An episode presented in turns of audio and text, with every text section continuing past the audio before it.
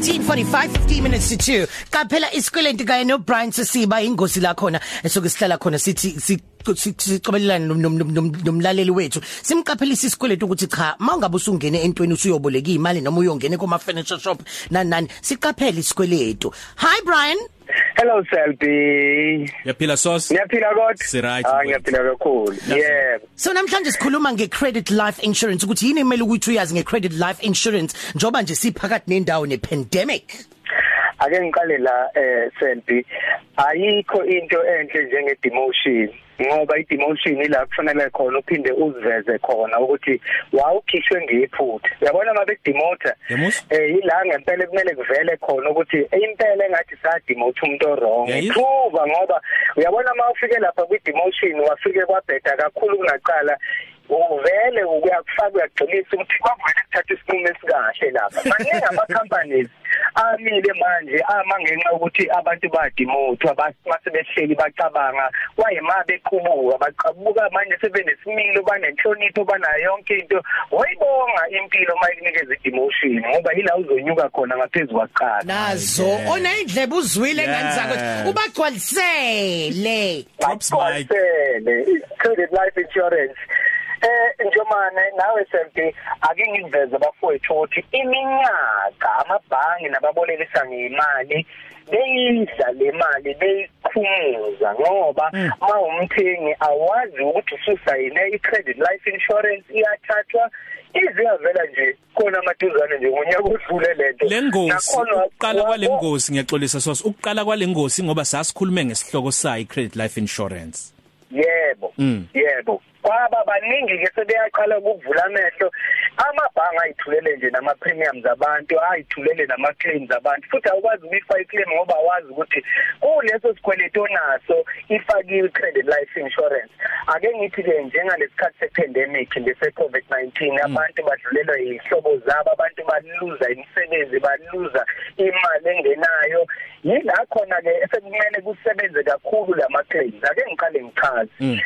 I-credit life insurance i-life cover yesikweletu.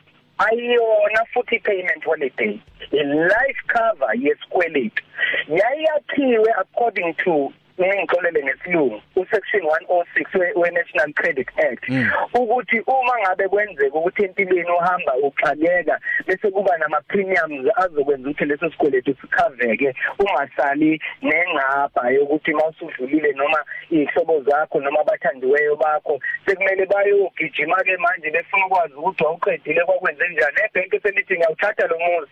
Cha yayenzelwe bona lokho so ke uma ngabe ungena yafuthi yayifakwe ezikweletini lezi ziphakathi nendawo nezikweleti ezinkulu boke sikubiza ngama intermediate credit agreements nama large credit agreements. Yeah. Manje ke seyigcwele isithe chithesakana seyikweletini ezincane usuthola ukuthi ibakhona ifakiwe i-credit life insurance. Yazike manje ngoba ilungu lomndeni liyadlula emhlabeni nazi imoto zifakile egcekeni. Isikweletu ke nje mane nawe sekuyazi ukuthi noma ungadlula emhlabeni akekho umuntu okholwa njengomuntu okubolekile uyifuna angazi nokufika ngisho emngcwabeni ezobona ukuthi oh usudlulile kodwa nje usudlulile nje mhlawumbe ngomsomluko uzoqala ethumela isheriff ukuthi kuzodliwa izinto. So nina ke manje eniseyikweletini sesiyabuka ukuthi awutheke ngisifundisise isikweletu. Yiloko engifuna ukuveza nje mane nawe sembe yeah kulesikweletu sakho. Cela bayi highlight i-credit life insurance uma ikhona. I-credit life insurance ngisebenza kanje. Umuntu beyikhokha unyaka uqala ikhokhelela unyaka wonke. Yeah uze mawuneyinkinga imali ingasakhokheki kuba ukuthi ama premiums angenile ngaphakathi.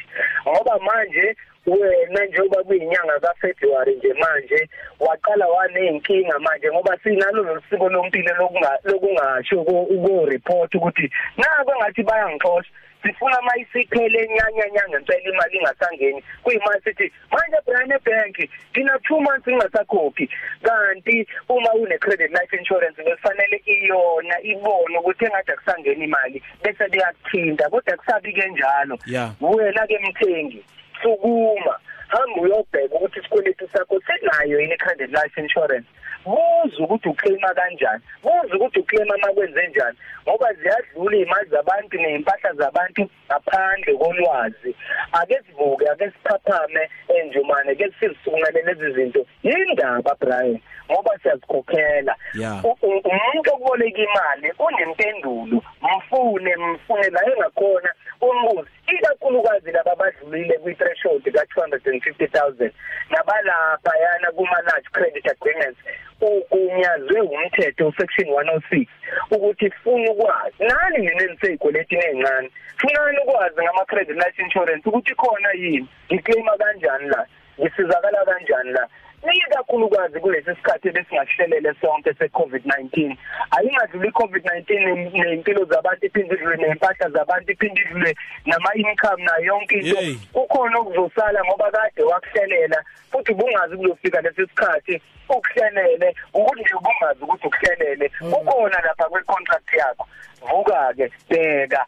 Ukuthi kukhona ngempela ukuthola kanjani ngoba khona ukutholayo njoba wena nje ungazi. Lenkulumo ngixoxe sibe nayo no Brian khona noma kanjani ku khozifm.co.za alaphena kuma podcast Brian sikubona futhi ngomsombuluko lizayo bye sweetie. Sinayithola inombolo yakhe ka WhatsApp ukuthi axhumane nabantu. Inamba yami nje manje ithi 0836231391 singaxhumana lapho mawukuthi khona imibuzo onayo. Sibonga kakhulu sos 1223 Cafe namhlanje asifani nezolo okusha kodwa.